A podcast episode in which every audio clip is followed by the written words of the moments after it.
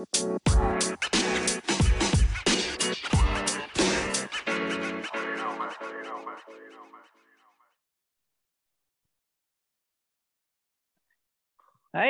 velkommen til nok en episode av Jordbrukspodden. I dag har vi med oss en forvilla vestlending som holder til i samme eh, kommune med dem vi har med her sist i eh, podden.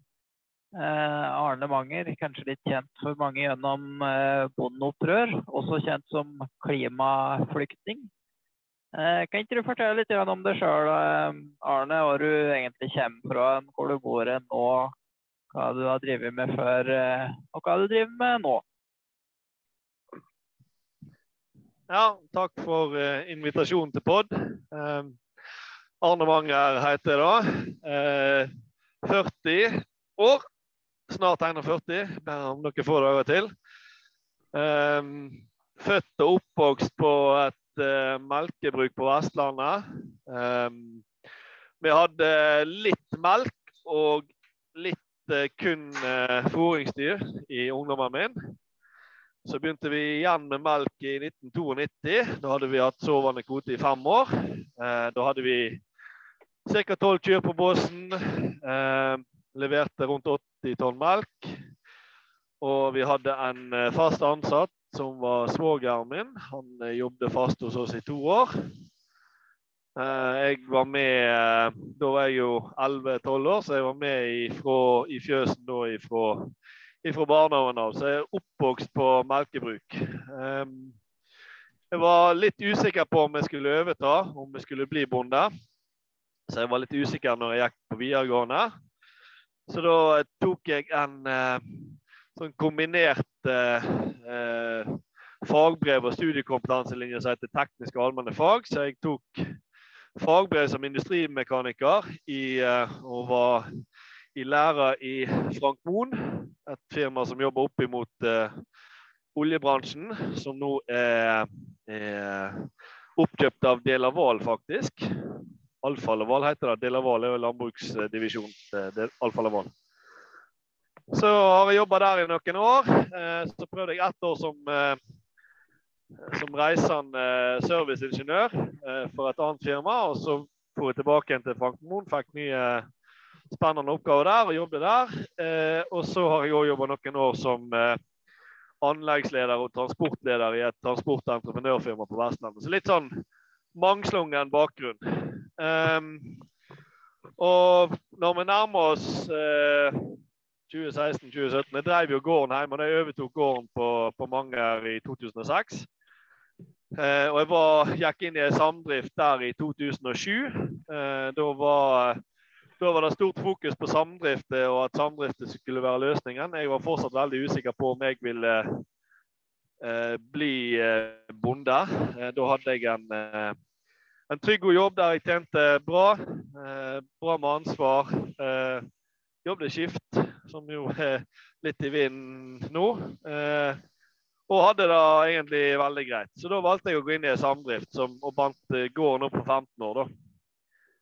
Men så etter hvert så kjente jeg mer og mer på at jeg hadde lyst til å bli heltidsbonde. Jeg hadde funnet meg uh, kone i mellomtida og fant ut at livet var for kort å sitte på kontor. Så da tok vi en diskusjon over kjøkkenbordet og var enige om at hvis vi skulle, hvis vi skulle leve som bønder, så måtte vi sannsynligvis reise en annen plass. Det var litt med klima og litt med arrondering og, og uh, hvor lenge vi var bytte opp i den samdriften. Den samdriften kunne jeg ha gått ut av 1.11. i 2022, altså om noen måneder, og starte opp igjen produksjon på heimgården. Um, så jeg hadde jo kjøpt opp litt kvoter litt sånn på Vestlandet, uh, og var egentlig klar til å starte igjen produksjon, men så hadde vi lyst på et bruk der det kan å være fulltidsgårdbrukere. Så da ville det si at vi hadde for lite areal. Der hadde vi ca. 110 dekar dyrka.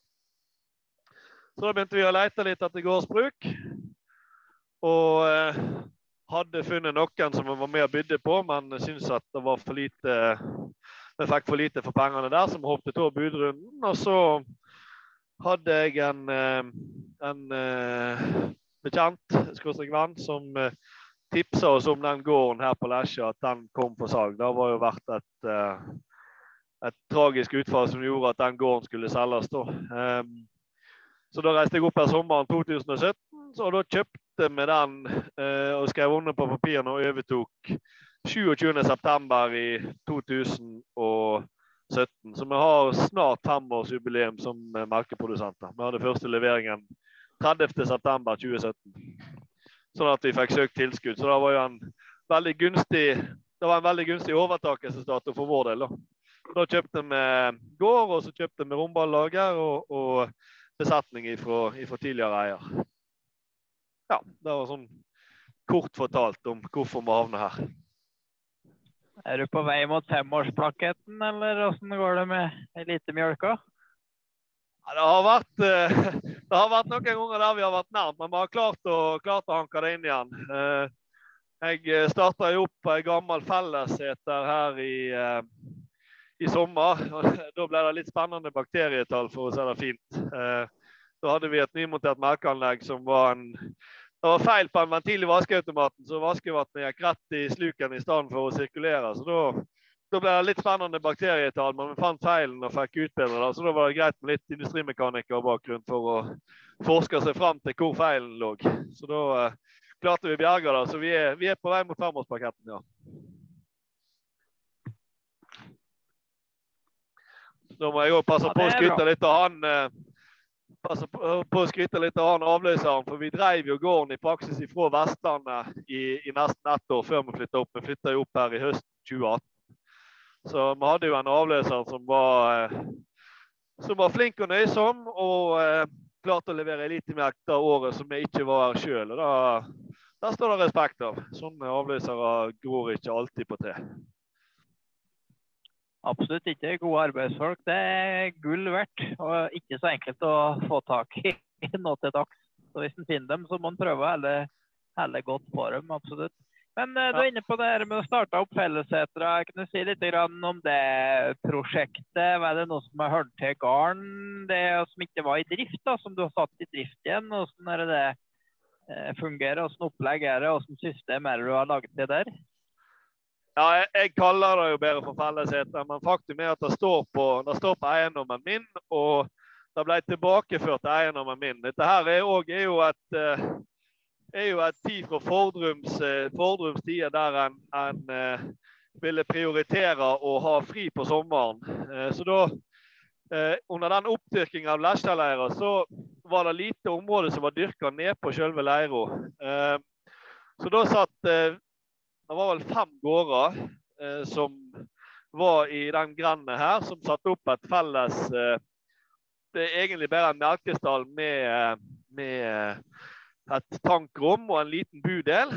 Eh, så da satte de opp og satte i drift det beite her i, i 1980. Og så drev de og fòrte en del og dyrka opp areal rundt her. Så de drev og de har kjørbart fòrbett her på en 40 meter lengde med eteplasser på begge sider.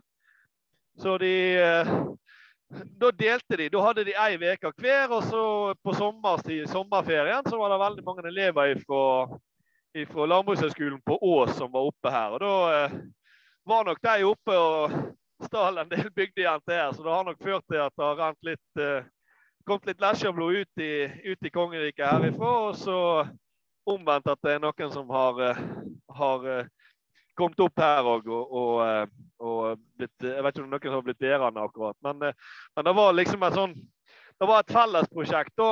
Eh, så Det heter Avgrity, og det, er, det stammer fra gårdsnavnet Avdem, Grindsugo og Tyndel. Og det er jo Altså, De har en del sånn felles ting. De har en del felles veier, de har litt felles eh, grøftesystem og kanaler, og så har de, eh, hadde de denne fellesseteret. Men så begynte folk med melkerobot. Eh, de ville beite sjøl og ha kontroll på ting sjøl. Så da trakk de seg ut, og da fikk eh, gården min som heter Grindstugu, da fikk de overta da, eh, det gamle fellesanlegget. Og de har vel sagt at på det meste så melker de faktisk 106 kyr her nede på, på det meste. Og da sto det en gammel to ganger seks sånn rekorderstall her. Den var, den var, sliten og trøtt. og jeg så noen bakterietall fra noen gamle lapper som hang her, og det var liksom ikke noe sånn særlig å, å, eh, starte opp på. Eh, og i, for to år siden så kom jeg over en brukt melkestall med, med komplett med kraftfôrenheter. Sånn. Dette var en to ganger åtte-stall. Men det var en stall som kom fra Vågå, som ble bytta ut der pga. Ei uh, ulykke. En som ble ufør. Så han bytta over til robåt eh, og solgte den melkestallen forholdsvis eh, gunstig. Så da fikk jeg leid inn to stykker til å reise bort og demontere den stallen. Og det er da samme personer som har gjort mesteparten av monteringen her. Så de har montert inn og korta inn til en to ganger fem-stall. Og så ser jeg òg at det er, dette med at de har kraftfôr i stallen her, det er utrolig enkelt for, for kutrafikken. For, for kyrne søker inn og, og vil i, i melkestallen. Så det er, det er, lettere å få dem til å gå i stallen her enn, enn hjemme. Grunnen til at jeg gjorde det grepet her, er fordi at jeg har et eh, har melka i to fjøs nå i, i, fire år. Over fire år, faktisk. Nei, nei i fire år. Det var i, i 2019 jeg begynte med det. Um, nei, 2018, unnskyld. Uh, og uh, så jeg har hatt en vanvittig arbeidsbelastning på, på fjøsstell. Jeg har jo brukt 10-12 timer i fjøs hver eneste dag. Så for å unngå det, så fikk jeg noen tips av en eh, dyktig melkeprodusent på Nordvestlandet. Han var kjørt et sånt puljeopplegg. Så det som blir eh, tingen nå, er at nå får jeg eh, Skal jeg ha 30 kalvinger i januar-februar. For jeg har 30 båsplasser i den løsdriften som jeg har hjemme. Og så eh, har jeg en Angus-okse eh, som går med kyrne nå, eh, som jeg slapp ut på beite med i august når jeg flytta ned her. Sånn at jeg sikter på en ca. 50 kalvinger i mai neste år. Så jeg prøver å tilpasse meg den eh, prissonen som jeg er i. Jeg er jo i prissone fjord og fjell. Altså jeg har et veldig stort sprang på, fra vintermelk til sommermelk. Ehm, så da prøver jeg å tilpasse meg den prissonen for å få ut en mer pris. Og prøve å melke mest mulig om sommeren. Og så håper jeg på at jeg kan melke i kun ett fjøs om vinteren, og at jeg kun kan ha sinkyr i det båsfjøset som jeg, eh, som jeg leier. Kan, kan, ikke du Arne, forklare litt for dem som ikke skjønner den forskjellen på prisløypen da, med, med, fjord og fjell, eh, og det er egentlig er tenkt for, på en måte, og det skal stimulere til, eh, for dem som ikke skjønner det? Det er jo ei prisløype som er satt for å få en, en jevnere inngang av melk på, eh, til, til, industrien, altså til meieriene. Eh, her oppe og på kysten til dels har det vært veldig vanlig å sine av kyrne på sommeren for å bruke utmarksbeite. Og dermed så får de altfor lite melk inn eh, på meieriene på, eh, på sommerstid. Eh, og så har de da typisk høstkalving. altså De slipper kuer på utmark om sommeren, og så kalver de om høsten. Og så får de da en produksjonsstopp på vinteren. Men eh, på sommeren blir det brukt en del melk, og eh, produksjonen er lavere. Så det, da, eh, det blir veldig ugunstig òg med, med, eh, med, den profilen. Så da har de, de lagd ei prisløype som gjør at eh, at eh, en får en høyere pris om sommeren for å stimulere til mer melkeproduksjon om sommeren. Og Den prisforskjellen er jo på det meste er jo faktisk to kroner literen. Mm. Så når vi lå tallene inn i, uh, inn i uh, regnearket, da, så ser vi at kontra å ha en flat produksjon nå, Da har jeg beregna på en kvote på 490 tonn, som jeg har leid meg opp til nå. Uh, kontra en flat produksjon, så har jeg, eh, får jeg 270 000 ekstra i eh, pris eh, i forhold til å ha en flat kurve der jeg leverer like masse hver måned. Og Da har vi lagt inn en sånn, en sånn cirka melkekurve da, på hva vi, hva vi, skal produsere neste år når vi er fullt i gang med det systemet. Så det er, De pengene tenker jeg å bruke til en avløser, sånn at jeg får brukt eh, tida mi på å drive jordet mest mulig effektivt, og kanskje få tatt den første ferien i lag med familien på, på fem år. Ja. ja og, så, og så må vi må vi også nevne på det at uh, når du prater på at de leta av kua tidligere for å sende dem på utmarksbeite, så uh, jo, får jo jeg og du utveksler jo noen videosnapper innimellom. Og vi prøver jo å stimulere til litt beiting begge to. Og sjøl om du leverer mjølk på sommeren nå, så går jo kua di ute på et beitesystem som du òg har eh, drevet og forska litt på, har du ikke det? Vet du når du sier litt om det? Jo, forsker og forsker. Så jeg, jeg, prøver meg litt fram her med, med Nå hadde jeg 40 dekar med rug raigras, eh, og så hadde jeg nok eh, engbeite da, eh, som de har gått på, som jeg har prøvd å veksle på for å finne ut eh, hvor mye areal jeg trenger til neste år. Men jeg ser jo da at det arealet som var ca. 80 dekar neste år, blir eller 80 dekar i år blir jo altfor lite, så jeg må nok, eh, jeg må nok opp og beite en eh, plass mellom 160 og 200 dekar neste år eh, med beiting. Men da kommer jeg nok til å prøve å ta én slått først. At jeg tar en, en tidlig slått i, i, tidlig slått her, vil jo si rundt sankthans, kanskje litt før. Og så begynner jeg å slippe kuet på, på gjenveksten etter det. da. Sånn at den, da rugraigraset blir jo, blir jo det det blir, og det må såes tidlig på våren. Og så blir det gjenvekst eh, av eh, det som er slått en gang til eh, til beite. For jeg ser Det altså det krever mye areal, men det vil jo være Det koster jo å høste. og hvis kuet kan gå og gnage i seg det gresset sjøl, så vil det jo være kostnadsbesparende. Jeg vil ikke si at det er arbeidsbesparende, for det er det går en del tid med å sette opp gjerde og, og eh, ja, Det går litt tid å hente ku på beite, da, for all del, men, men eh, mm.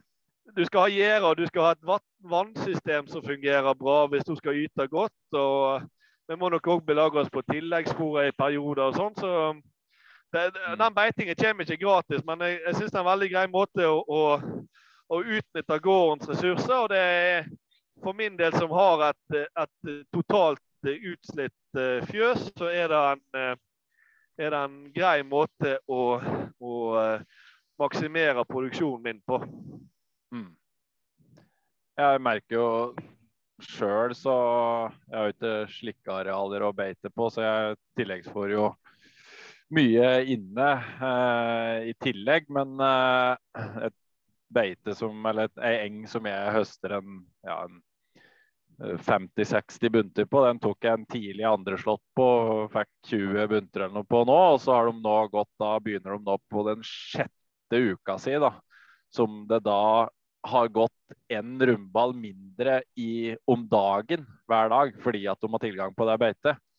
Mm. Så da må han jo, må jo Høst må jo klare å få ut noe mer fòrenheter på det. og Da er vi jo egentlig litt inne på en annen ting som du er litt uh, aktuell for her om dagen, for du, nå om dagen. Fordi du er jo med på et prosjekt uh, i regi av Yara. Uh, veldig fram i skoa her. det, kan du fortelle litt om det?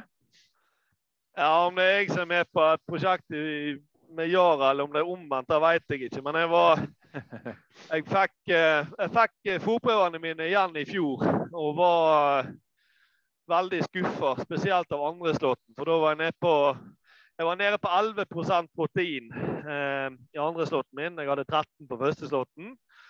Så jeg må da ha et eh, For å kompensere da, for å få ku i produksjon og for å få et uh, ureatall som er innafor og for å få kalv i kua, så må jeg da gå på et, uh, et dyrt kravfôr med mye import. Og da, det er vel ikke helt gunstig for uh, omdømmet vårt. Vi ser jo til stadig et avisoppslag om denne soyabåten som kommer. og Nå har det ikke vært på en stund, for nå mangler folk mat. Men vi vet jo at de oppslagene dukker opp fra tid til annen. Eh, og eh, så eh, har vi jo tenkt litt om saken. og Så jeg var veldig tidlig med å ringe hun rådgiveren min. Jeg hadde en Morten Øverli på Tynset han var snitta førsteslåtten til meg i fjor. og Han var begynt å slå tre ganger og fortalte litt om hva de var kunne gjort eh, med, med eh, kraftfôr. Både mengde og kvalitet og sammensetning når de hadde gått fra to til tre slåtter. Så da bestemte jeg meg i fjor høst på at eh, nei, da legger vi opp til tre slåtter her neste år. Så da ringte jeg til NLR-rådgiveren og sa at neste år når du skal lage gjødselplan, så skal jeg så tre ganger. Ja vel, sa hun. Eh, da får vi gjøre det. Så da fikk jeg en gjødselplan. Fikk handle gjødsel i fjor høst og er overlykkelig for det. Mm. Eh, og lå opp til tre slåtter egentlig fra starten av. Eh, og så var disse ryktene her nådd Yara. De syntes at dette prosjektet var spennende. jeg hadde en kar fra Yara oppe her. Vi hadde en landbruksmesse her i, som Bondelaget arrangerte i mars. Mm. Og da ble vel ideen om å, om å, følge meg gjennom sesongen unnfanga eh, på et bord der oppe på, på skolen på Lesja. Um, han syntes det var et veldig spennende prosjekt, og, og det var helt i vinden med dette med økt selvforsyning og alt sånt. Mer bruk av norsk korn.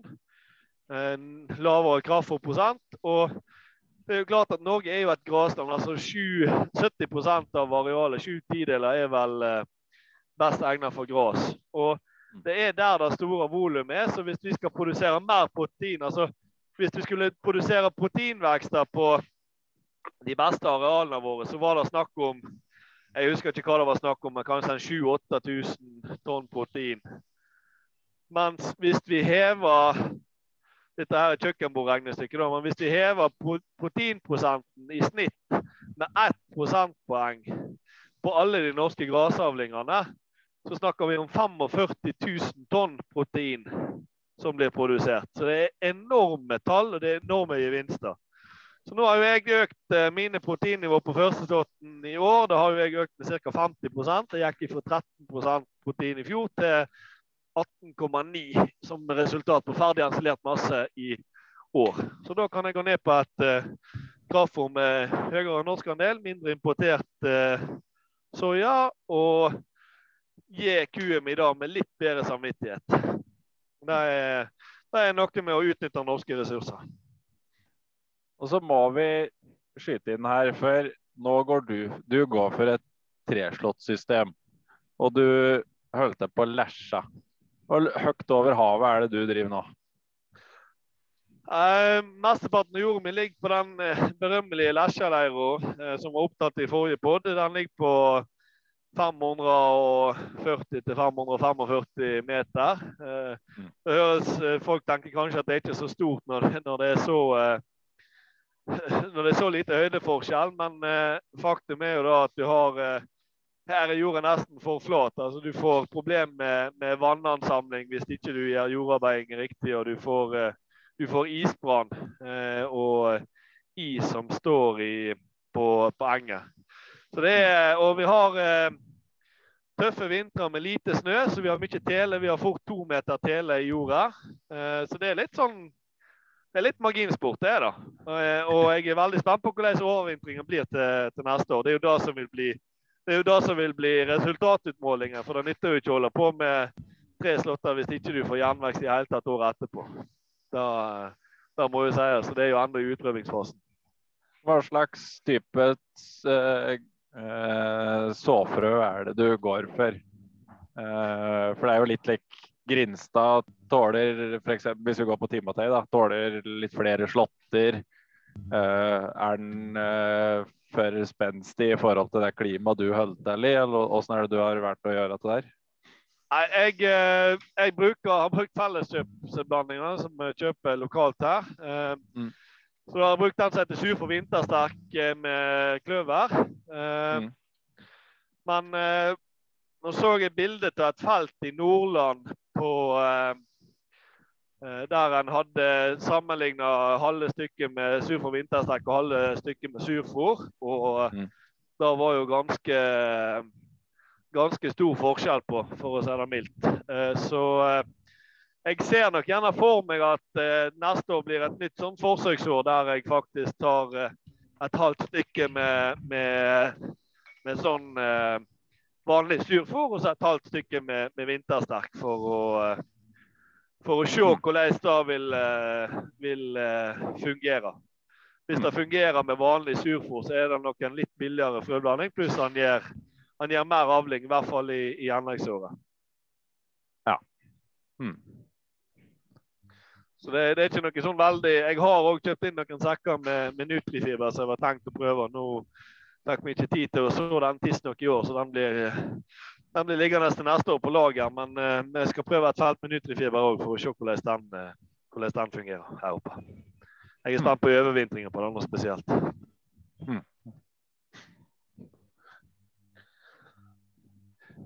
Ble ja. litt ivrig på eh, gras og slik, Ola, så du får komme inn ja, på det. Jeg hadde et annet, annet spørsmål i stad som jeg tenkte på. Det hvorfor i alle verdens rike dager fant du ut at du skulle mjølke i to fjøs? Hva var vurderingene og framtidstankene rundt det, og hvorfor ble det så dårlig? Nei, um, når vi flytta opp her, så uh, måtte vi utarbeide en driftsplan når vi, når vi kjøpte, kjøpte, gården. Uh, og så hadde vi jo noen tanker om at vi skulle komme opp her og liksom komme i gang. Og så uh, var økonomien sånn i 2017-2018 at da, da, skulle vi hatt eh, penger til å bygge nytt fjøs. Og i hvert fall hvis vi forpakta den nabogården. Men så har de jo bytta litt, da, for å si det mildt. Eh, på inntjeningsmessig i, i jordbruket. Eh, vi har ikke kommet videre. Så eh, når vi gikk med fjøsplaner til tinerådgiver, så fikk vi beskjed på det at vi kunne ikke bygge til den, til den størrelsen som vi så for oss. Um, nå har jeg ikke sagt noe om arealet sånn på gården, men Uh, vi har lite uh, uh, igjen å dyrke i, i, form av litt små lapper her og der og litt lebelt og sånne ting som kan tines inn. Men vi havner på en ca. 400 dekar fulldyrka. og så forpakta med 220 dekar fulldyrka. Og vi så jo for oss å bygge en fjøs som var basert på det arealgrunnlaget som vi eide sjøl. Så vi tenkte jo en fjøs på rundt rundt 400 tonn, og så kanskje eventuelt ha litt ammeku basert på det leide arealet. Da, at ikke vi bygde at ikke vi bygde fjøs på leid areal. For det er, liksom, det er liksom en sånn tanke jeg har hatt hele tida, at det er ikke noe vi har lyst til. Eh, og da eh, i, Først så fikk vi jo beskjed på at eh, eh det blir for lite. Eh, du får ikke dette her til å gå sammen. Men eh, så sier rådgiveren da at hvis du leier 200 tonn og, på, og går opp til 600 tonn kvote, da kan du betale 1 krone og 60 øre i kvoteleie. Og da skal dette her gå bra. Da skal du få uh, ha mulighet til å bygge deg nytt fjøs. Men da, uh, å ta på oss enda mer arbeid, det var ikke, var ikke vi veldig sugen på. Vi syntes vi hadde mer enn nok med det vi hadde. Så da eh, hoppet, vi bukk over den omgangen der. Eh, og så uh, tok vi tok vi neste år Da, da hoppet vi over igjen. og så håpte vi på at vi skulle kunne klare å bygge i år tre. da. Men da var det en annen problemstilling dukket opp. for da, var, da hadde innovasjon fått litt andre prioriteringer. Så da fikk vi beskjed på det at hvis du hadde over 350 tonn kvote, så fikk ikke du støtte. Da, eh, da, var du for stor. Da burde du klare deg på egne bein. Så da var det knallharde prioriteringer fra innovasjon. Så da, da var det bedre at uh, hvis, du, hvis, du, hadde en liten jordflekk og hadde lyst til å bygge til 200 tonn, så skulle du få lov til det. Mens hvis du hadde, hadde arealgrunnlag sjøl og ville bygge til 350, så, så, fikk du ikke støtte. Så jeg fikk vel egentlig beskjed på at det var ikke vits i å søke engang. Så da, da har vi blitt litt sånn bondefanger. Så da må vi bare prøve å gjøre det, det beste ut av situasjonen og prøve å, å, eh, få, eh, få, produsert den melka her på, på eh, enklest mulig måte for vår del. Så det er egentlig bare en det er jo en, en stadig sviktende økonomi som gjør at vi ikke kan, ikke kan dra i ferde. Nå må det òg sies at vi har bygd oss nytt, nytt hus etter vi flyttet opp her, så vi har jo dratt på oss noe gjeld, selvfølgelig. Eh, men jeg, eh, når jeg ser renta og sånt i dag, så er jeg jo sjeleglad for at ikke vi hopper på det tilbudet om å bygge til, bygge til 600 tonn i, i, i, 2018. For da hadde vi jo hatt eh, veldig, veldig mye igjen, for å si det mildt. En annen ting jeg tenker på der, Arne, som du nevnte, men på den gården du eh, kjøpte da, og driver, så har du jo et lausdyrfjøs. Og så er det jo sånn at det er veldig mye fokus på alle dem som skal bygge om fra bås til lausdrift. Men når vi begynner å nærme oss 2030 snart her nå, så må vi faktisk huske på det at vi har jo ganske mye løsdriftskjøs som er både 15, 25, 30 og opp i 40 år gammel òg.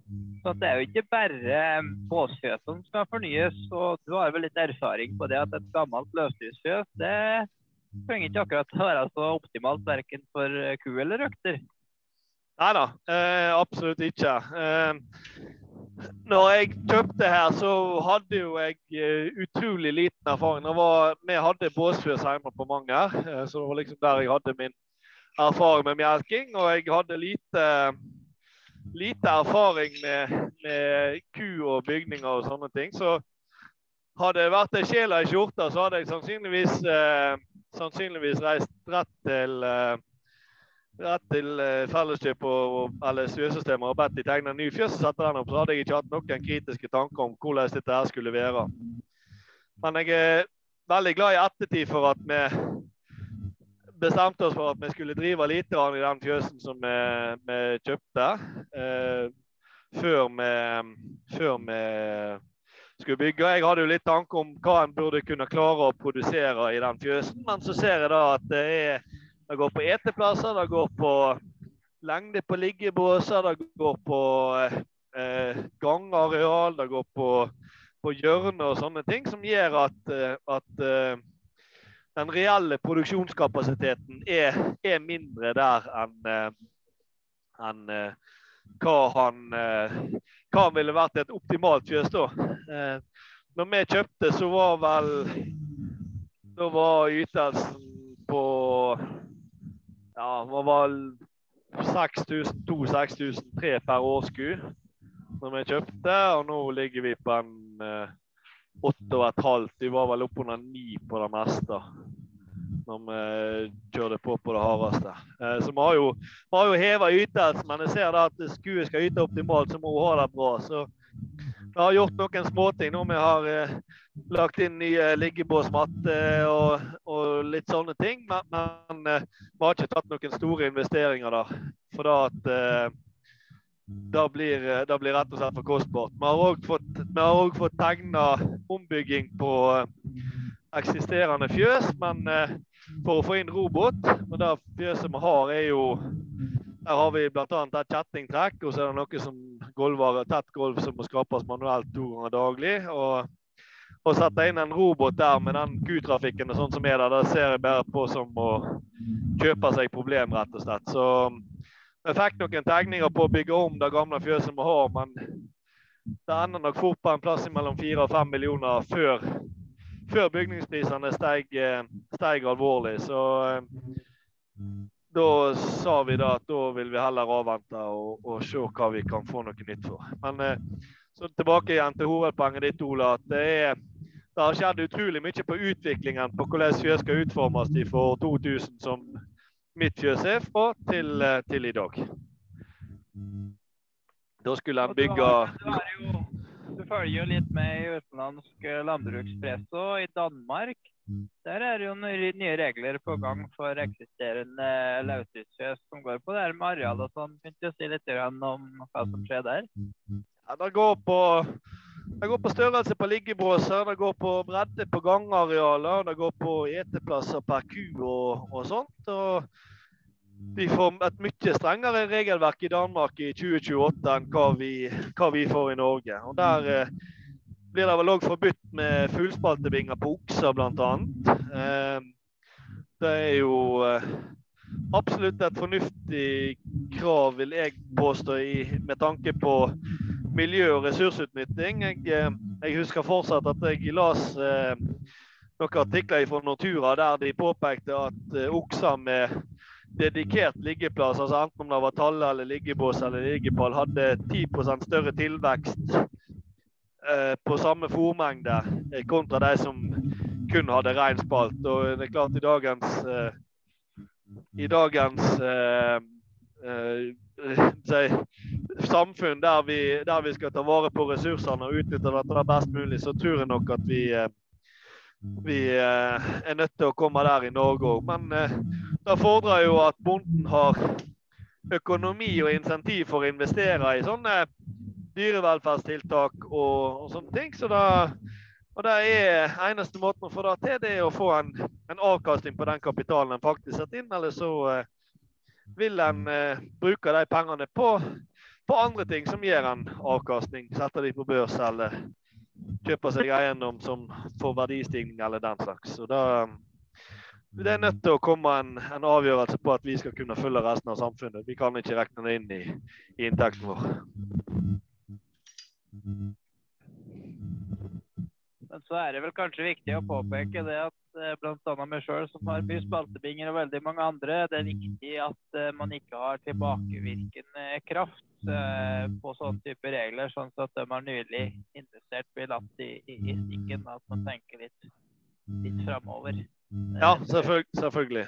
Det er et veldig godt poeng. En kan ikke, en kan ikke si én ting i dag og så bytte til noe annet i morgen og så forvente at en skal en skal bygge om, da. Det, det går ikke. Men, eh, men, eh, det er gjerne det som er litt av problemet med norsk landbruk. En savner liksom de, de, store og litt langsiktige linjene på hvor vi faktisk vil med, med norsk jordbruk. Det da hadde vært veldig, veldig greit for, for, vår del som står i gropa og lurer på om vi skal investere eller ikke. om om vi vet at uh, politikerne faktisk vil ha et uh, norsk jordbruk, og hvordan de ser for seg det jordbruket. For uh, vi investerer ikke på grunnlag av, av fireårige stortingsperioder. Vi, hvis vi investerer i en fjøs, så da er vi bundet til den i, i 20-25-30 år. det blir nesten litt som om du går på et jobbintervju, og så og så får du spørsmål om du har lyst til å begynne der, for da får du dette kontoret her. Og så takker du ja, og så får du beskjed på etterpå at ja, men du får, du får dårligere og dårligere eh, kår for hvert år, og du må produsere mer og mer for å beholde lønnen din hvert år. Det blir, eh, det blir litt som, som, i jordbruket. For hvis ikke vi klarer å, å eh, få opp den relative produktprisen på det vi faktisk produserer, eh, og øke inntjeningen per produsert enhet, så da går dette her eh, litt feil vei, tror jeg. Men jeg skal, eh, skal skyte inn litt dette i forhold til uh, ukser på fullspalt f.eks. Så er vi veldig opptatt av at ting ikke skal ha uh, tilbakevirkende kraft. Men hvis vi hadde fått en modell som vi kan bruke i jordbruksforhandlingene hvert eneste år, som tar for seg kapitalavkastning, så er det ingen problem å stille et krav om at i løpet av to-tre år så skal alle over på, på eh, f.eks. Eh, ligge, liggeplatting eller talle eller, og osv. Um, for da hvis en da klarer å finne ut hva er det hva slags sum er det den investeringa i eh, storfekjøttproduksjon eh, fordrer, da. Så kan en legge dem til i jordbruksforhandlingene og tilføre de midlene som trengs for å følge de kravene som kommer fra storsamfunnet. Så eh, jeg er for så vidt enig i at slik systemet er i dag, så kan vi ikke ha noe tilbakevirkende kraft. Men det blir Eh, hadde vi hatt et system som fungerte, så kunne vi ha lagt om nesten på, nesten på dagen. Men Det er viktig å påpeke at det Anders Stede sier, er at man må faktisk legge inn da, den estimerte kostnaden og fordele det ut med en kombinasjon på, på pris og tilskudd for å ta inn den kostnaden det. Altså Man må regne ut den kostnaden den investeringen vil ha i det tenkte tiltaket for næringa sin helhet, og så fordele midlene ut. så at det er nok midler da, til at det ikke er bonden som sitter med regninga. Mm. Ja, Det er jo litt av den referansebrukenes eh, svøpe, da, eh, vil jeg påstå. Som du ser på når du ser på de tallene som ligger inne i referansebrukene og sånt i dag, så du får jo ikke investert deg opp til den produksjonen eh, som ligger på et sånn gjennomsnittlig referansebruk i dag, hvis du bruker de tallene. Så eh, Eksempelvis Eh, den eh, svineproduksjonen er kanskje den som er verst, der du har, eh, der du har smågrisproduksjon pluss 350 dekar korn ca. Og, og sitter med gjeld på 3,5 millioner. Du, når du da vet at et smågrisfjøs i dag koster 21 millioner, og så har du vedlagt altså vedlagt avhør kapital på, på 800 000, så går jo alle de pengene kun i renter da, til det fjøset med, med dagens nivå. Da kan ikke bonden leve av prisstigning. Altså, han kan ikke gå til, til, banken og si at kanskje jeg får låne 500 000 eh, i år òg, for at fjøset mitt har steget i verdi. Og eh, nå må jeg få låne penger til å ha til å leve av, for at jeg har brukt alle pengene på å betale renter. Det er ikke det gjenspeiler ikke den reelle produksjonskosten. Og da, Du får òg en ganske stor strekk i laget. For når jeg kjøpte melkekvote på Vestlandet, så kjøpte jeg kvote til 2,50 for liter. Veldig mye. Jeg fikk jo kjøpe så mye vi ville fra staten. Men så ble Hordaland og Sogn og Fjordane slått sammen med, med kvoten eh, med, som kvoteregion når de ble slått sammen, før de skulle slå sammen som fylke. Og da spratt plutselig kvoteprisen i Hordaland. Året før det ble sammenslåing, så var den på 6,57 kroner. Og etter sammenslåingen med Sogn og Fjordane, så var den oppe på 12-13 kroner. Så de som investerte i melkekvote i Hordaland for 2,50, de gjorde en eh, veldig god uh, handel. Og det er litt av samme òg. De, de som har kjøpt eh, seg opp og bygd det ut for 10-15 år siden, de fikk opp fjøs for under halvparten av det som et fjøs koster i dag. De fikk tak i rimeligere kvote, og de de, altså de er mer i hakket da, på, på, hva de skal produsere og i forhold til hva kostnader det er. Det som jeg frykter, er jo at det blir faktisk så dårlige tider at en, eh, at en eh, må ha noen helt uh, utrolige forutsetninger for å investere i, i jordbruket. Og Da kommer jo gjerne disse her glanshistoriene fram med, med, folk som er glad og har investert. Og så viser det seg at det gjerne er litt forsikringspenger inne, eller at de har solgt noen tomter, eller at de har henta inn ekstern cash da, for, å, for, å, realisere fjøsdrømmen for å leve videre som bonde. Det er klart det er noen som klarer det bedre med, med steinhardt arbeid, men for oss som eh, kom inn da midt på 2010-tallet, så tror jeg det blir, en, det blir en tøff eh, motbakke eh, for oss.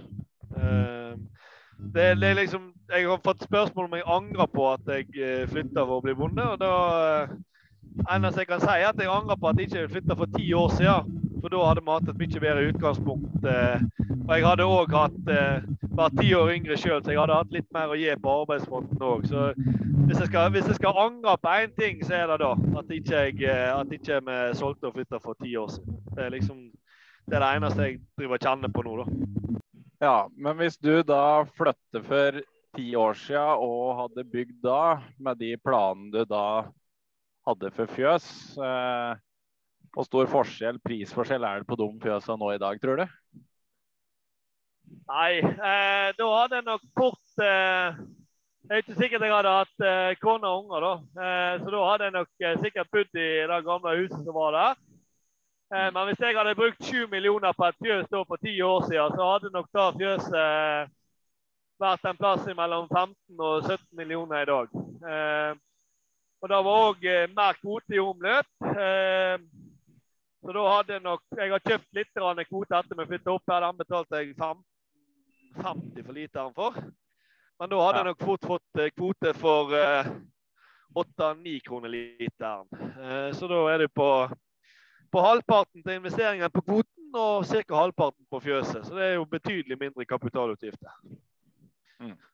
Og så vil jeg òg poengtere én ting, at, at eh, en har jo òg hatt en betydelig økning i melkeprisen da uh, kontra nå. For nå, nå de fem-seks siste årene så har jo han stått eh, nærmere stille. Han har økt 36 øre de siste, de siste tre årene i, i, utbetalingspris. Og det er jo Du vet jo at det kom 33 øre i år, sant? så det sier litt om, om eh, hvor mye prisen har økt, eh, prisen har økt eh, tidligere. Så det er vel eh, Melkeøkonomien var vel veldig bra i eh, da draget rundt 2015-2016. Og når vi, når vi flytta, så var det òg en litt interessant ting. Eh, vi leter jo etter et, et stort melkebruk. Men det var, det var, rett og slett ingen bruk å oppdrive. Det var, det var ingen bruk til salgs som hadde over 100 tonn i kvote. Det var ett, et som jeg bydde på i Etne, en jordbruksskole, tidligere jordbruksskole. Der var det 180 tonn. Det var jo Hordaland, så da hadde vi hatt eh, den, den oppsida at vi hadde hatt, kunne tatt med oss kvoten fra mange. For hvis du eier to gårder i samme kvoteregion, så har du muligheten til å flytte kvoten til det driftssenteret du vil. Så sant som du står på eier på begge brukene. Eh, men den muligheten hadde vi ikke når vi flytta til Oppland, eh, som er kvoteregionen som er i nord. Så da måtte vi, da måtte vi selge eh, den kvoten som vi hadde vært på, og fikk ikke tatt den med oss over her til. Det er jo for så vidt greit nok for å beholde produksjonen i de produksjonsregionene som man, som man er i. Eh, men uh, hvor var vi hen? ja, altså Melkeøkonomien da på, på tidlig på 2010-tallet fikk jo en bra oppsving. for Jeg husker jo den samdriften som jeg var med i. Der var, var steintøft i 2007 til 2010-2011. Men så, så, kom det jo et brukbart oppsving da. men det har jo bremsa opp igjen nå igjen.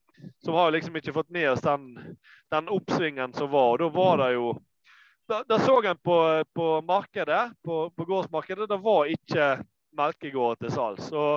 Hvis du googler nå, eller hvis du går på Finn nå, da, mm. så finner du vel fort en åtte-ti store melkebruk med til dels veldig nye fjøs, som har en salgssum som faktisk er under eh, som er under det det vil koste å få opp et tilsvarende fjøs i dag. Eh, og Det syns jeg er, det er tankevekkende. For da, da gjenspeiler litt risikoen i jordbruket. Hva, hva, får vi igjen for, for pengene vi legger ned, og hva, hva, vi, hva, kan vi risikere å få igjen hvis vi, hvis vi skulle bli syke eller, eller, sånne ting. For vi er jo ikke, det er jo ikke alle av oss som er supermennesker. Noen supermennesker finnes der ute, men, men eh, det gjelder slett ikke alle. Og eh, den risikoen som vi tar da, med, med, å ta opp eh, store lån og, og sette opp prisbygninger som vi ikke får, får igjen verdien for, den, er, den kan ikke gå, gå, under radaren lenger, tror jeg. Men du Arne, du nevner jo at vi hadde litt, litt oppsving her på tidlig 2010-tallet. Selvfølgelig ikke god nok økonomi da heller, men i hvert fall noe bedre. Så har vi hatt et ifølge mange et fantastisk jordbruksoppgjør. Veldig stor ramme. Eh, såkalt inntektssetting og full kostnadskompensasjon. Og eh, Du var vel ganske tidlig ute med å begynne å regne litt eh, hva det her utgjorde for melk. da, Oppgjøret i forhold til økte tilskudd både på areal og husdyr. Samtidig som den moderate prisveksten på, på mjølk. Og så har det jo, kan man vel si, kanskje situasjonen enda forverra seg òg. Både på rentesituasjonen og på kraftfôr spesielt. Mm. Hva tenker du i forhold til mjølk, og kanskje da spesielt de mjølkebrukene som er kanskje sånn 200 eh, tonn og, og, oppover, i forhold til det med kostnadskompensasjon i jordbruksoppgjøret i år? Har du noen tanker rundt det? Jeg har uh, fryktelig mange tanker rundt det. Det store løftet kom jo på dette her grunntilskuddet melk. Og jeg er ikke uenig i at det skal løftes. Um, på ingen måte. Det er en, en fin sikkerhet på, på å få med de minste brukene som, som er nødvendig. Altså, vi, trenger, vi trenger både merkebruk med 55 kyr. Det må være tilpassa ressursgrunnlaget på den enkelte gård. Men det kan ikke være sånn at vi slår hånda av de, de ene for å gi til de andre. Altså, vi kan verken slå hånda av de minste for å gi til de største, eller omvendt. Det, det går ikke. Vi er ikke flere melkeprodusenter enn hva vi måtte være. Og jeg, jeg stussa jo veldig når, når, innspillet fra faglaget kom. Eh, nå ble jo resultatet 70 000. Men innspillet der var jo 150 000 i økt driftstilskudd på melk.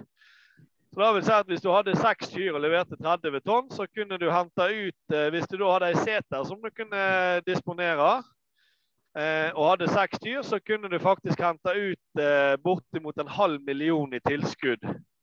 Bare på dyretilskudd hvis du da kjørte med, med Da hadde du dette med små og mellomstore bruk, og så har du dyretilskudd på ku. Og hvis du da kjører en bevaringsverdig rase, og så har du grunntilskudd på melk på Da hadde det vært en, over 300 000. Og så har du hatt et setertilskudd på 90 000 i tillegg. Da hadde du altså du hadde bikka 500 000 i tilskudd eh, på å ha seks kyr og melke dem eh, åtte måneder i år. For det er krav om åtte leveransemåneder. Så da, da, måtte du begynt i slutten på mars, og så måtte du melke i mars, april, mai, juni, juli, august, september, oktober. Så da måtte du melke hatt én leveranse i oktober òg, og så kunne du egentlig ha gjort som du ville resten. Og da eh, da lurer jeg litt på hvor gjennomtenkt da forslaget og innspillet faktisk var. Um, og Så kom det jo lite på pris, og så kom det noe på dyretilskudd, noe på beitetilskudd. og Så kan vi jo sette inn noen forutsetninger. altså Vi vet jo at den gjennomsnittlige norske kuen nå leverer en 8600-8700 liter. Ehm, men hvis du for enkelhets skyld bruker 8 tonn per ku, og så sier du at du har 10 dekar per ku, og så leverer du 200 tonn, så har du forutsatt lik etterbetaling. og Da, legger jeg veldig trykk på forutsatt. Da har du altså en, en økt inntektsmulighet på 1 krone og 7 øre per liter.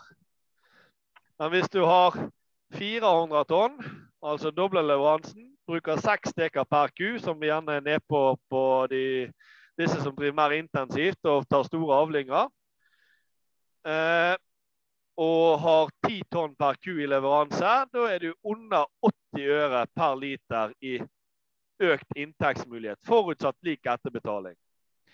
Så er det en del rykter som går på den etterbetalingen. Noen sier at eh, det som var forutsetning i jordbruksoppgjøret, var 76 øre, som jo var fjorårets etterbetaling. Mens uh, onde tunge, eller ikke onde tunge, men enkelte sier at vi kan gjerne forvente oss en etterbetaling som er ned mot 50 øre. Eh, og da, Hvis du da har fått 80 øre i kostnadskompensasjon, så vil jeg si at du får reelt økte inntektsmuligheter på 30 øre literen per liter melk. Og Vi vet jo at en del av kostnadene som har gått, det er jo energi, altså det er strøm, det er kraftfôr, det er gjødsel, eh, det er ensileringsmiddel, det er plastikk. Altså alt, alt går på produsert vare. Så den kurven vil være vil være ganske lik om du, om du har eh, 15 eller 50 kyr. Altså det går på produsert liter veldig mye. Og da, når vi vet at kostnadene har gått så mye Jeg satte meg ned nå med, med og så på kunstgjødselprisen som jeg var betalt i år kontra i fjor. Og da var den økt med Jeg bruker jo en del kunstgjødsel, ja. Jeg har, jeg har hatt for dårlig lagerkapasitet på møkk, så jeg har brukt en del kunstgjødsel. Men Altså Den var steget med en plass mellom 2000 og 2500 kroner per dekar. Så hvis jeg da sier at jeg, eh, jeg eh, har ti dekar per ku, og så produserer jeg ti tonn bare for å være litt, eh, litt snill med meg sjøl, så er det faktisk en kostnadsøkning på ca. 25 øre literen på melk. Og det er kun på kunstgjødsel. Og så kommer da en, en prisøkning på kraftfôr, som jeg ikke helt skjønner, for å være helt ærlig. Eh, forutsetningen eh, med Bollestad-oppgjøret var jo 1,8% prisøkning på kraftfôr. Eh, og så fikk vi tilleggsforhandlinger, og de sa at kraftfôrkostnadene var steget med, med 400 millioner, og det er ytterligere 5% og så var det vel 3,6 eller 3,8% i årets jordbruksoppgjør. Så, så ca. 10 står det at kraftfôrprisen har steget. Men når jeg ser på fakturaen min over de siste halvannen-to årene, så har jo kraftfòrprisen steget med en plass mellom 25 og 30% på, på samme kraftfòrslag. Mm. Uh, og da, har vi jo allerede passert den kostnadskompensasjonen hvis vi får 50 øre i, i etterbetaling. Så jeg er litt bekymra for melk, jeg, rett og slett. Uh, det er jeg. Uh, og så kan vi jo da i tillegg ta med at salget av melkeprodukter stuper. Vi hadde jo 1,07 i forholdssalg i fjor. Eh, og så har vi 0,99 i år, mens neste år så sikter vi vel på et eh, enda lavere forholdstall, kanskje under 0,95. Eh, så ytterligere så skal produksjonen gå ned.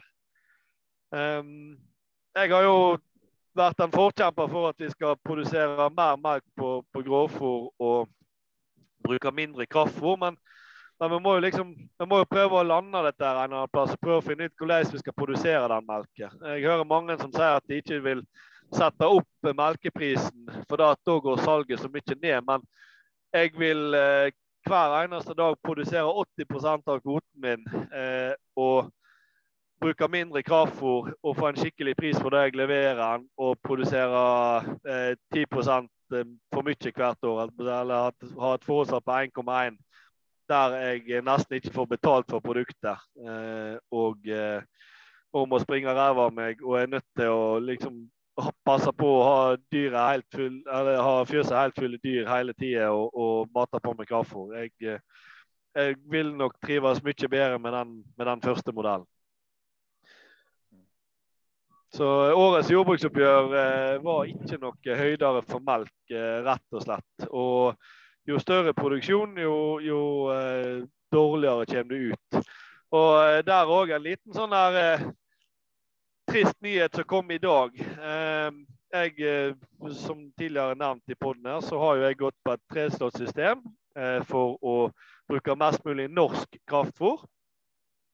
Mens nå i dag så går Felleskjøp ut med, med, prisøkning. Og da er det da kraftfôret med mest norsk eh, andel som øker mest eh, til melkekuer, for da at eh, den norske kornhøsten har vært god.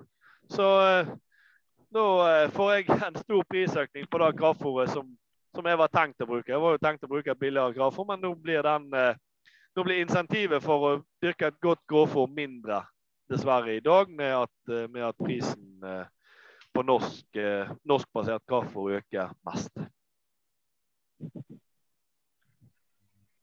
Men eh, er det ikke et litt paradoks at liksom bærebjelken i norsk landbruk, som jo er melk, og som også er det kanskje den mest krevende produksjonsmåten vi har i norsk landbruk. Ja, vi har svin og smågrisproduksjon også meget krevende, så det andre også som er meget krevende. Det er ikke det, men melk er en meget arbeidsinsentiv produksjon som går eh, året rundt. Tankbilen kommer hver tredje eller hver andre dag. Er det ikke litt merkelig at man eh, at man er så forsiktig når man prognoserer kostnader i den eh, næringa. Og eh, også så forsiktig i forhold til det man ber om i økt prisuttak, med tanke på den vanvittige kostnadsøkninga som det er innom. Og jeg, jeg, jeg syns jo da eh, Jeg ser jo eh, Tine-bilen kjøre gjennom bygda her titt og ofte. Og der står det jo kanskje verdens fineste melk på den. Eh, men eh, bør ikke vi da kunne ta ut en pris? Altså Når jeg ser når jeg ser prisen som svenske og danske melkebønder får nå, så, og du prøver å argumentere for det i, i, diverse fora, så får du jo beskjed på at ja, men prisen der kommer til å gå ned igjen. Altså det, det, er ikke et gyldig argument. Hvis vi leverer Rolls-Royce, så skal ikke vi ha betalt for Lada. Det går ikke. Vi er nødt til å ta betalt, vi er nødt til å ha en stolthet. Altså jeg har, jeg har vært stolt gårdbruker så lenge som jeg har vært gårdbruker, men jeg, jeg eh, jeg kjenner litt på akkurat den nå at, eh, at uh, den, den, stoltheten den sitter lenger og lenger inne, uh, dessverre. Jeg mener vi leverer et fantastisk produkt. altså Vi har, vi har strengere kvalitetskrav enn, enn i Europa. Og Hvis du da sammenligner direkte, så kunne vi egentlig ha levert eh, vi kunne ha levert andreklasse melk og fortsatt vært innafor på det som er målpriskravet i Norge. Så, og det er jo den prisøkningen som har vært på melk i Norge, har jo stort sett kommet i form av økt eh, av, av, at tørrstoffinnholdet i melket øker. Så vi leverer et bedre og bedre produkt, men, men eh, vi får ikke betalt. Altså, det er basisprisen en må se på da, hvis en skal se på hva vi faktisk får betalt for, for et likt produkt. Så, det blir omtrent som du skulle solgt eple. da og så skulle du solgt på, på stykkpris, og så hadde du begynt med noen, med noen bitte små epler. Men så blir, så større og større, og så får du beskjed på ja, men du skal ha betalt per, per uh, du skal ha betalt per eple. Så om eplet ditt er dobbelt så stort, så får du fortsatt ikke mer betalt for det. Det, det er ikke sånn ting fungerer. Um, og jeg har òg hørt på, på uh, lillesøsterpodden deres, altså jordbrukspodden, eh, podden til, til Bondelaget, der de hadde med Kristian Anton Smedshaug. Der han, eh, der han eh, Jeg vil faktisk nesten si det sånn frekt og freidig sier at ja, men melkeprodusentene de, de, har jo allerede en inntekt som er, er bedre enn snittet, i hvert fall i jordbruket. og jeg tolker det nesten som om at melkeprodusentene har en inntekt som er bedre enn snittet i samfunnet òg. Men nå glemmer du jo litt det enorme kapitalbehovet du har i, i dagens melkeproduksjon. Altså en, en eh, sånn 30 kyrs fjøs i dag, den, den, koster jo fort 10 millioner. Så skal du ha kvote, besetning, maskiner og sånt til det. Um, og eh, altså, kapitalbehovet er enormt. Så det, det 30-kyrsbruket i dag, da, da har gjerne samme kapitalbehovet som et 60-70-kyrsbruk hadde for ti år siden. Så der går, eh, der går disse her tallene hos eh, hus forbi, og så har ikke en eierskap til å se hva som ligger bakom som må til for, for å få de eh, forutsetningene. Og Grytten òg sa jo da at det, er i, det er i i jordbruksoppgjøret så er det inntektsmuligheter. Og da vil jeg si at Hvis du har mer gjeld eller en annen fordeling på gjeld og egenkapital enn hva som er i, i driftsgranskingene, så er du nødt til å Altså, du kan ikke investere før du er godt unna de eiendelene og den gjelden som er i driftsgranskingene, hvis du skal ha sjanse om å hente deg ut ei, ei skikkelig inntekt for de arbeidstimene du legger ned. Og Går du inn på driftsgransking på, melk, nå blir det veldig mye melkesnakk. Jeg, jeg har uh, utrolig lite peiling på, på, de andre produksjonene. Men jeg, jeg må jo si at det stusser når jeg ser at det, det er melkebruk med, med 30 årsdyr som har over 900 000 i vedlagt arbeid og kapital per årsverk. Så at Hvis du jobber ett årsverk, så jobber du fem timer hver eneste dag. Og melkekuer må ha stelt hver dag, men, hver dag, men da får ikke du gjort noe som helst ute. Og da skal du da ha, ha levert melk for 1 250 000 pluss at du har noe tilskudd. Altså, jeg, jeg, klarer ikke for det til å gå statistisk opp at du skal kunne klare å sitte igjen med 900 000 på ett årsverk, eller per årsverk på det bruket. Da, da er det en eller annen forutsetning som ligger der, som gjør at dette her kommer veldig, veldig positivt ut. Så så en siling på disse referansebrukene da imøteser jeg eh, veldig gjerne. Eh, det samme òg med, med, bruk som ligger på, på, minus. Det er klart at da er, Hvis en har negativ, negativt arbeidsvederlag, så kan en ikke drive spesielt lenge. Da, eh, da, må det jo være andre ting som ligger bak at en, at en har at en har det, da. For det, det går jo ikke lenge det er jo, er jo helt klart. Det kan, det kan, jo være uforutsette hendelser og sånne ting, men, men en, bør jo, en bør jo luke ut de som, er, de som ikke er statistisk signifikant, som det vel heter. Mm. Det er helt, helt riktig. Det er, det er, mange I forhold til hvordan den statistikken skal benyttes, så er det jo uh, først og fremst uh, først og fremst uh, avhengig av at det er et, uh, et, tilfeldig utvalg, som det heter. da. At det ikke blir uh, at, blir plukka ut eller luka ut en del, del bruk. for at en skal kunne gjøre det i, i andre omgang, egentlig. da. For hvis en da benytter seg av kvartilberegninger da, for å for å se hvor og langt ifra midten, da, altså det som på en måte skal være mest representabelt, så kan eh, kan se om det er riktig å ta med både de som du vil jo ha de som er eh, både eh, som ikke har starta investeringen sant, i ene enda, og så vil du ha de som er nedbetalt kanskje i andre enda. Hell har hell, eh, Og hvordan det ser ut, da, det, det vet vi jo ikke nøyaktig. Men eh, vi vet i hvert fall det at eh, det vil, være, det vil bli mer nøyaktig og mer representabelt hvis vi hadde gjort det på, på den måten. Og det blir jo spennende å se om vi får eh, noe rundt dette her på vei mot rett tallgrunnlag. Fordi det står vel ingenting om uh, at Grytten skal gjøre noe med akkurat det her i sin rapport, gjør det det? Det kan hende begge de to vet bedre enn meg. Nei, dessverre ikke. Så tror jeg ikke det er en del av, av diskusjonsgrunnlaget. Nå kupper jeg mikken litt her. Men jeg tror ikke det er en del av diskusjonsgrunnlaget, dessverre.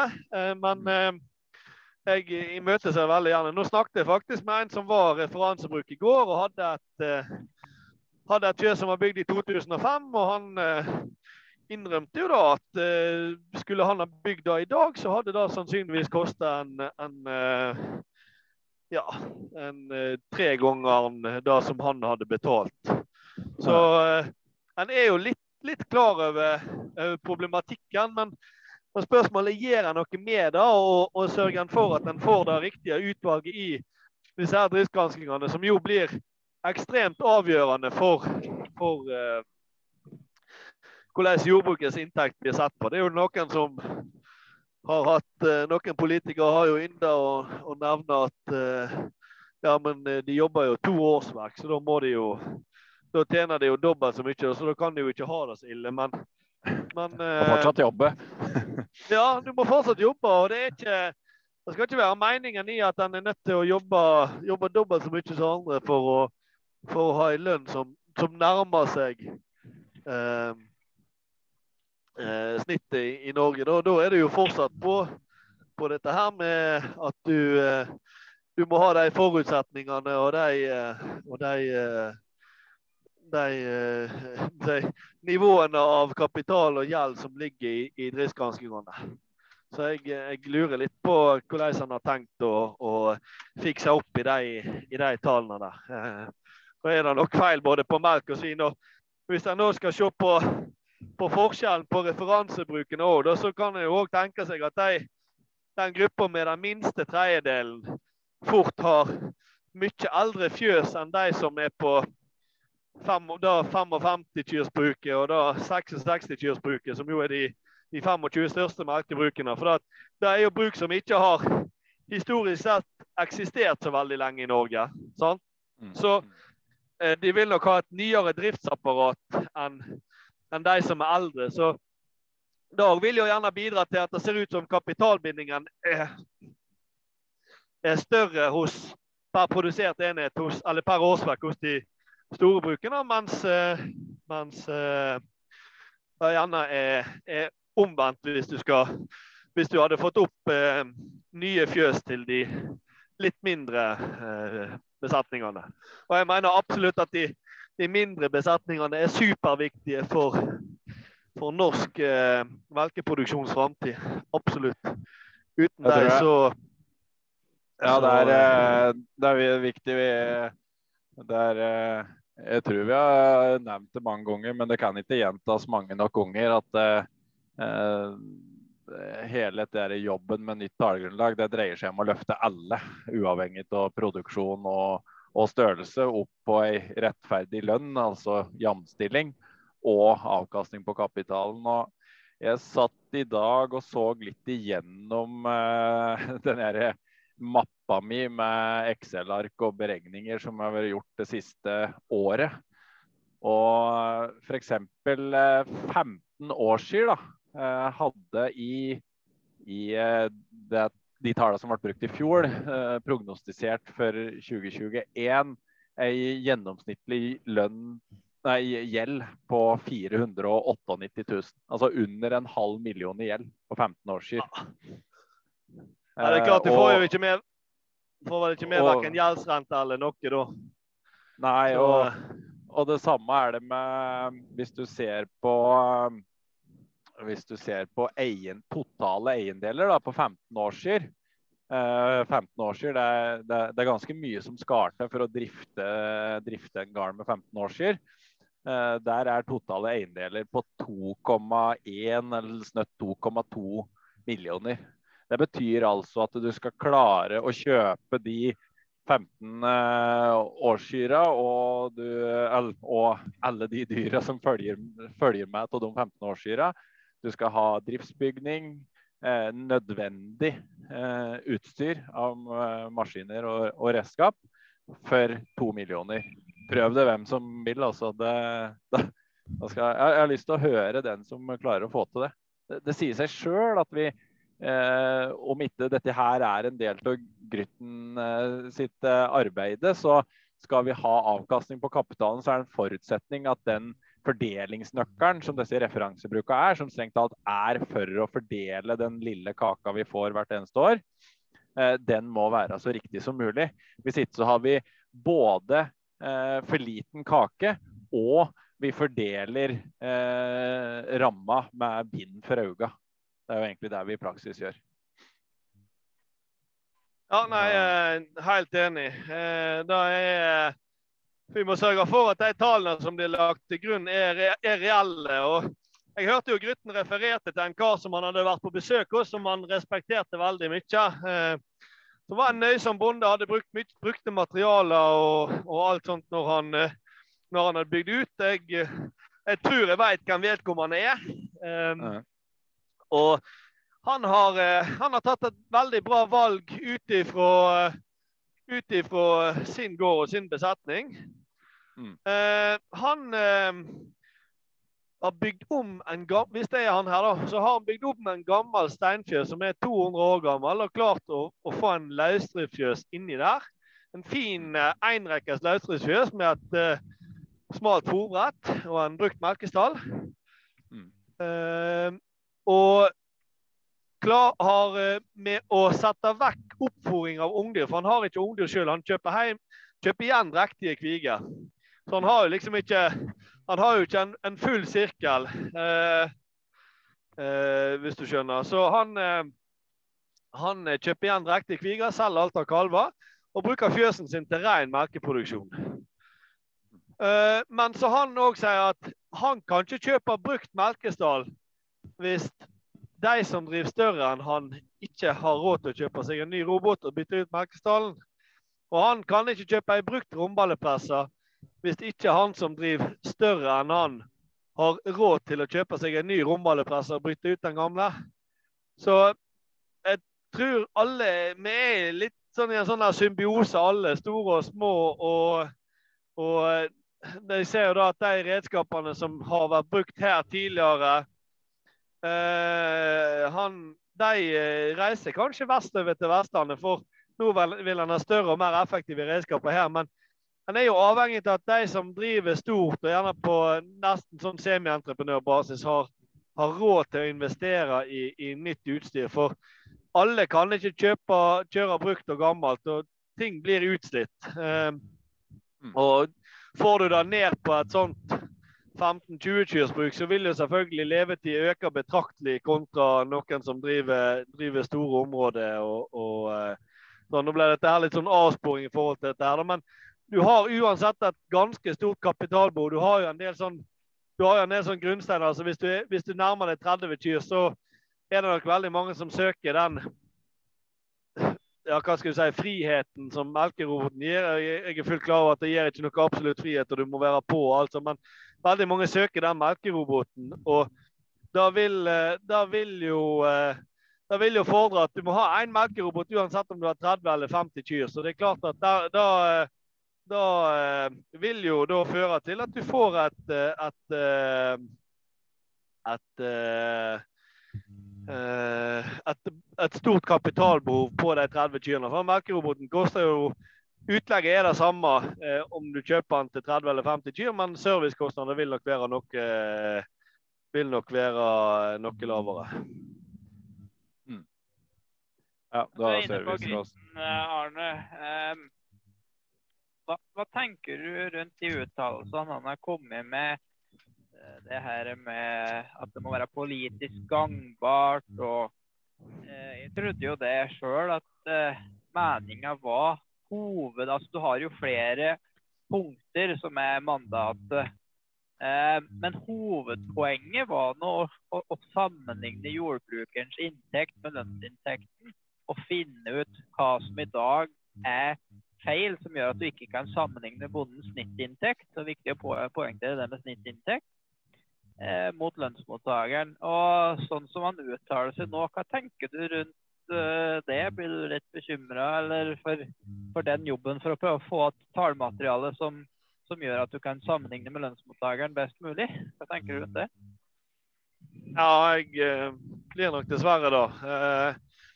Eh, hvis han skal eh, politisere og Det var en del ting jeg, jeg lå litt merke til i det intervjuet med han. Eh, det var gjerne litt eh, Kanskje litt spørsmålsstillingen. Jeg hadde gjerne sett at han kom på besøk til dere to. Eh, karer som har gravd i tallgrunnlaget over tid, og kanskje kan stille noen litt, litt spissere spørsmål enn hva han fikk der. Men, men når han i ene øyeblikket berømmer sekretariatet for å komme med gode innspill og Sekretariatet vet jo består av, av en del fra LMD.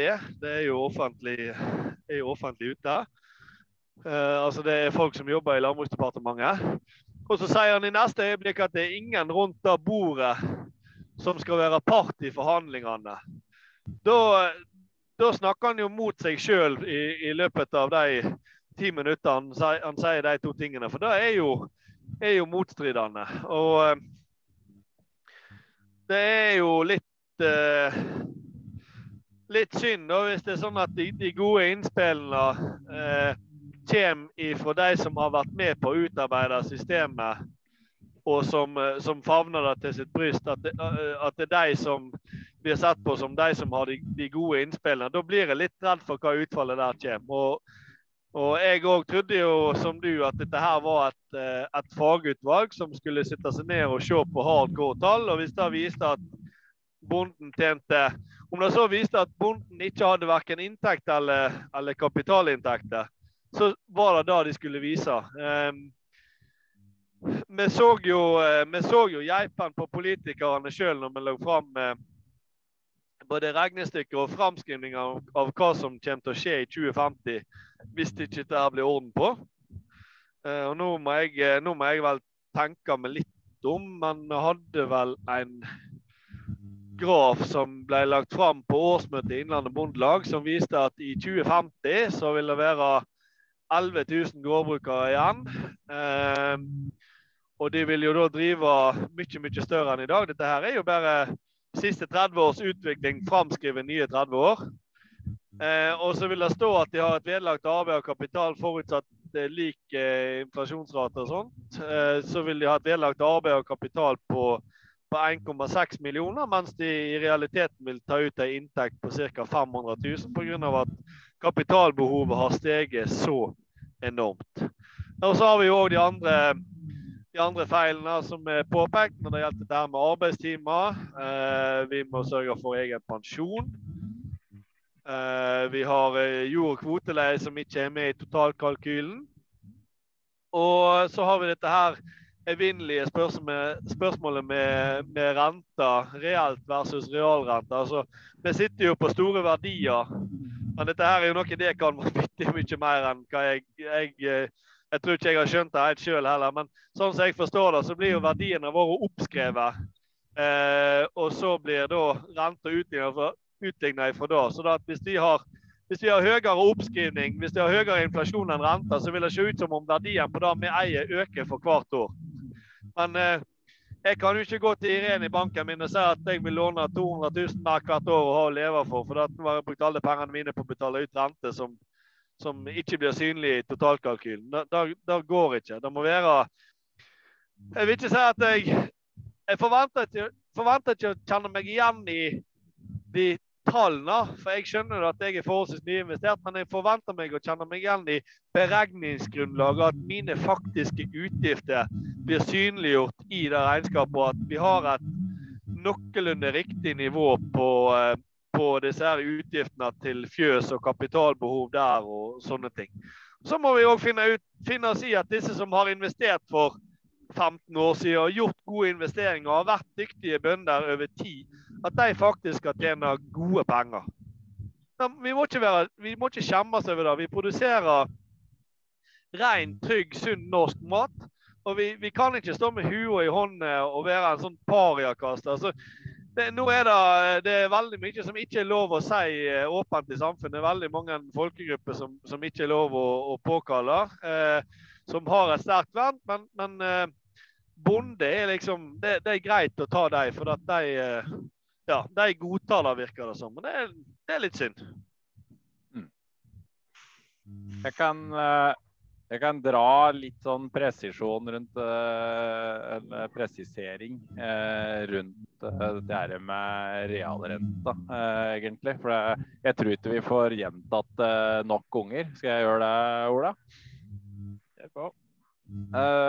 for det er jo slik at det som er mye enklere for folk å, å, se på, det er jo hvis du har kjøpt deg en leilighet eller et hus eller hva det måtte være, i et område med prisvekst. Gjerne i bynære områder så er det enkelt å forholde seg til og kjenne seg igjen i. Så har du eh, Denne leiligheten kosta to millioner, og du måtte låne én million og hadde én million eh, i egenkapital.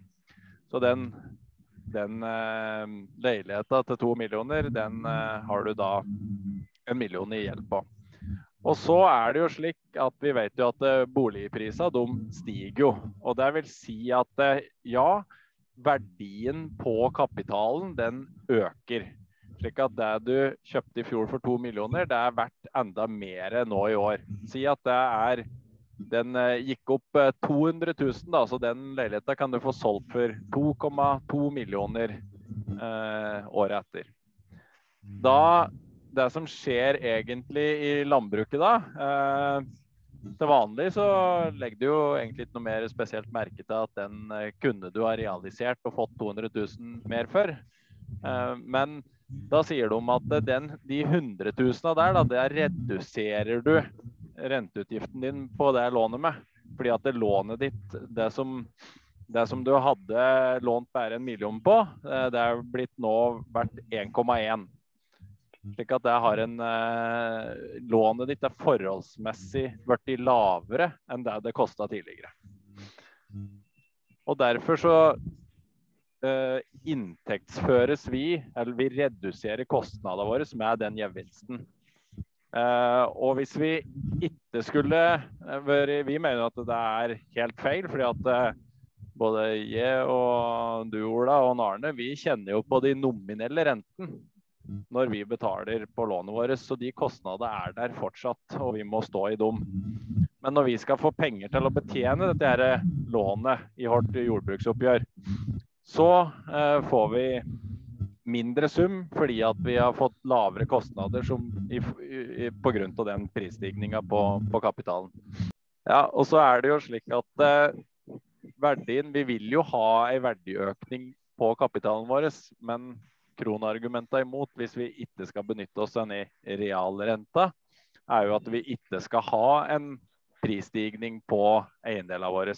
Og det er jo prinsipielt helt feil. Sjølsagt skal vi ha det. Vi har jo akkurat prata om hvor mye et fjøs som kunne vært bygd for ti år siden, er verdt i dag. Og Ergo så skal du òg samtidig ha den verdijusteringa av kapitalen som gjør at eh, kapitalbasen i landbruket holder uh, tritt, og at vi da kan framforhandle og, og vedlikeholde den uh, arbeidende kapitalen. Så det var kanskje et uh, langt resonnement, men jeg tenker at ikke, en god sak kan ikke gjentas for mange ganger. Er det ikke slik? Ja, og så er det jo Altså, så har jeg òg skjønt såpass at dette her med Det blir snakka om, om, eh, den lave risikoen i jordbruket. Men eh, vi, eh, jeg syns året i år spesielt har vært et eh, veldig tankevekkende år. Det har vært mange eh, stygge ulykker i jordbruket. Det har vært mange dødsulykker. Eh, vi lever i i hvert fall vi husdyrbrukere har, har, jo store dyr rundt oss. Um, jeg har eh, sjøl hatt noen sånn nesten-ulykker. Jeg har uh, Det var ei ku som uh, pleier å være snill og rolig, som hadde kalver ute på beite for et par år siden. Den, da hadde jeg hund, men den så det gikk veldig bra så lenge så det var jeg som var borte med kalven. Men så kom uh, bikkja og begynte å nærme seg, og da klikka jo kua galen. Så hun sprang på meg bakifra og stanga meg ned. Heldigvis så stoppa hun der, da. Eh, så det var en litt eh, stygg episode. Og så hadde jeg en eh, For to år siden så hadde jeg en, en sånn vannhydrant som jeg skulle stenge, og der han rett og slett sprakk og kom opp med stigerør og det hele. Det var jo en hydrant med, som var full i vann og med slange og alt sånt som kom opp fem centimeter framfor ansiktet på meg. og, og for ti meter til værs og landa fem meter borte for meg, så jeg Jeg var våt og kald, men jeg, var, jeg pusta fortsatt. Da. Men det er en del sånne farer i landbruket. Ja, vi har et, vi har et sånt KSL-system og, og, alt sånt som vi skal følge. Men, eh, men, når vi må spinke og spare og snu på hver krone, så det, blir det ofte til at du, du jobber sene kvelder. og du, du har tankene andre plasser. og du, du utsetter ting og du, du gir sånne enkle løsninger og sånne ting. Og det er, det er ofte det som fører til at du eh, at uh, da du har nestenulykker. Og jeg lurer litt på hvor mange sånne jeg har jo sjøl jeg tror jeg har rapportert den ene etter de ulykkene. Man lurer jo på hvor mange sånne nestenulykker i jordbruket som, som, skjer rundt om, som aldri blir rapportert inn. Så, så uh, dette her må danne et risikobilde i jordbruket da, uh, for å finne ut hva, hva, risiko vi faktisk tar. Og Nå snakker jeg bare om, om den fysiske risikoen med å utøve selve yrket. Det er jo mange andre risikofaktorer òg som, som, kan dras opp i dette her. Så dag er nok, eh, er nok noe som jeg hadde håpa at, eh, at eh, Grytten hadde, hadde, sett på. Men jeg, jeg spurte på et, et møte en, om en hadde risikovurderinger i forhold til hva, hva avkastningsgraden skulle ha på kapital. Men sånn som jeg skjønte det, så, så var ikke det noe som var tema i utvalget. Så jeg, jeg, er veldig spent på å lese den rapporten. Det blir nok noen, eh, noen timer på nattbordet med den. Altså. Så gjør det.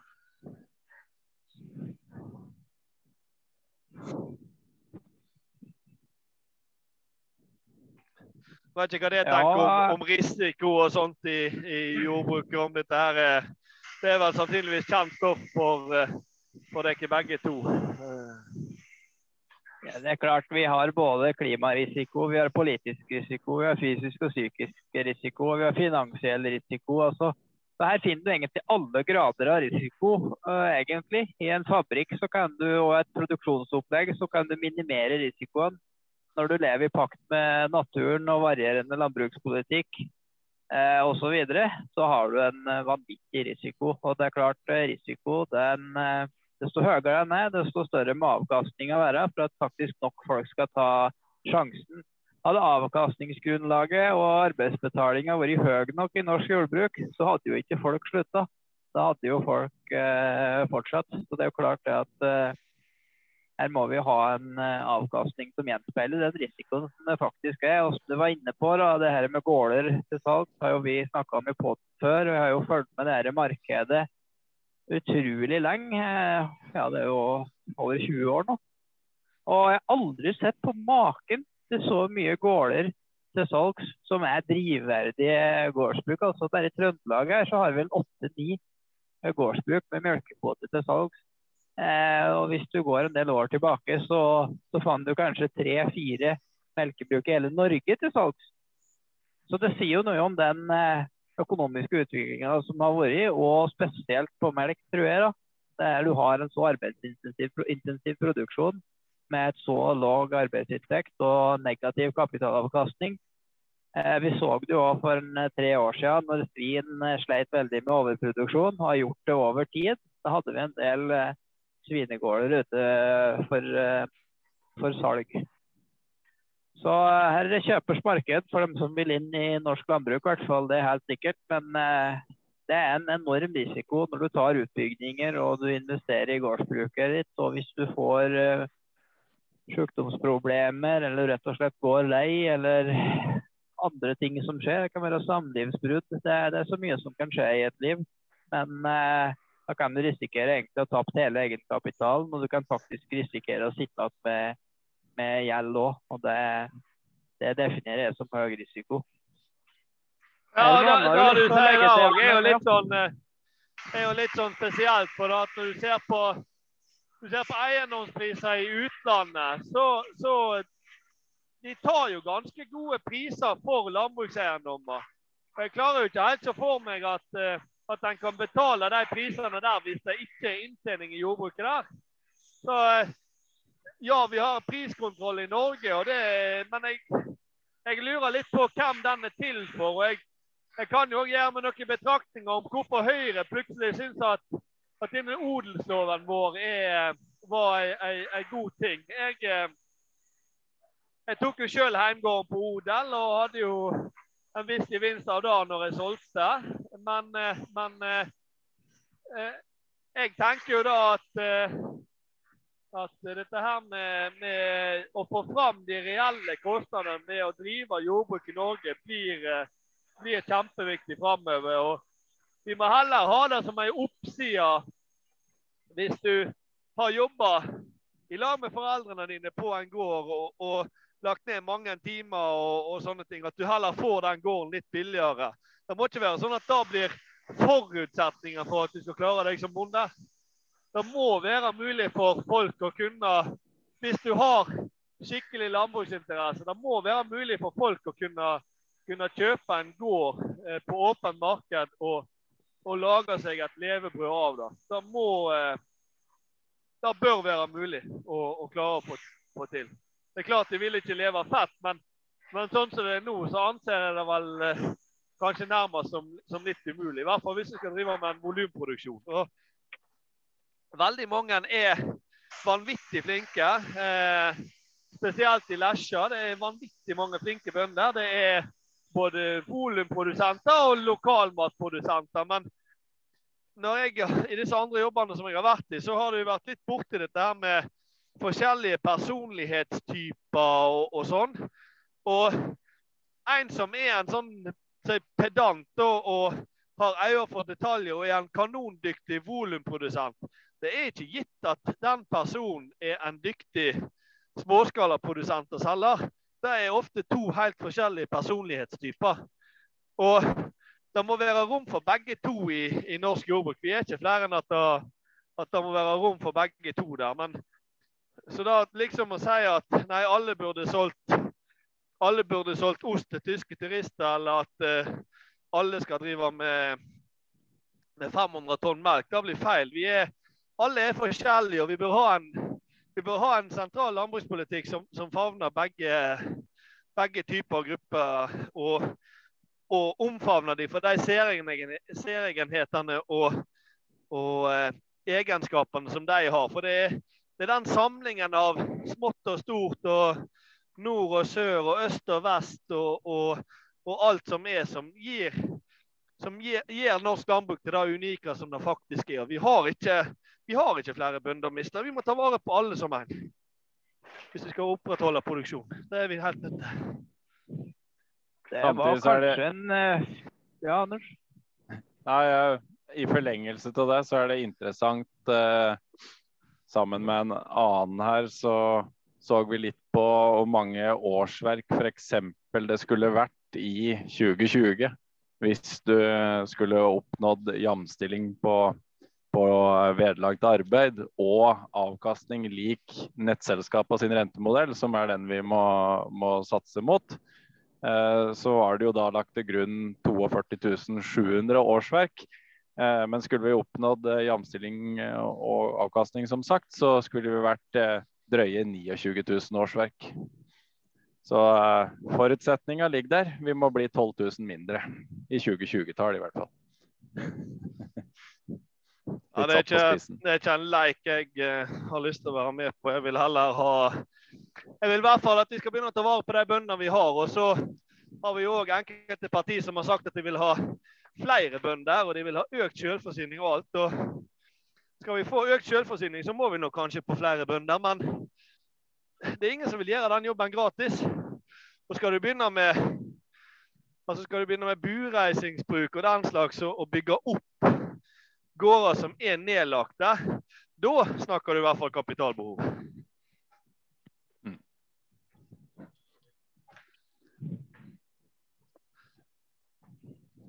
Begynner vi å gå inn for eh, landing, Ola? Ja, jeg skulle ta en liten oppsummering i stad. Eller jeg sier egentlig at Arne oppsummerte det veldig godt med det mangfoldet vi har i norsk landbruk. Det er noe vi må dyrke, men vi må også betale for det.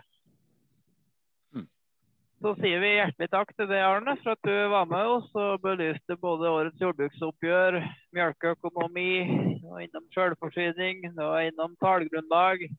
Du sitter på vanvittig mye kunnskap og en eh, klisterhjerne uten like. Så tusen takk for at du eh, var med i dag. Og så ønsker vi deg lykke til videre på Lesja. Og vi håper at eh, vi får til denne jamstillinga og et nytt skikkelig tallgrunnlag. Og kanskje rom for et nytt, fint løsdyrfjøs tilpassa det arealgrunnlaget du har. Så du kan leve lykkelig resten av ditt liv, skulle jeg si, på, på Lesja.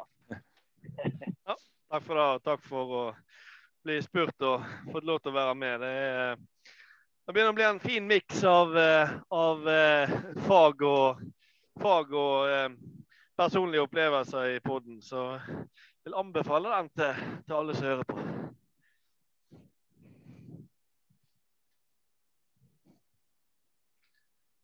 Da sier vi eh, takk for nå, og så kommer vi veldig snart tilbake med en eh, ny innholdsrik episode. Takk for nå.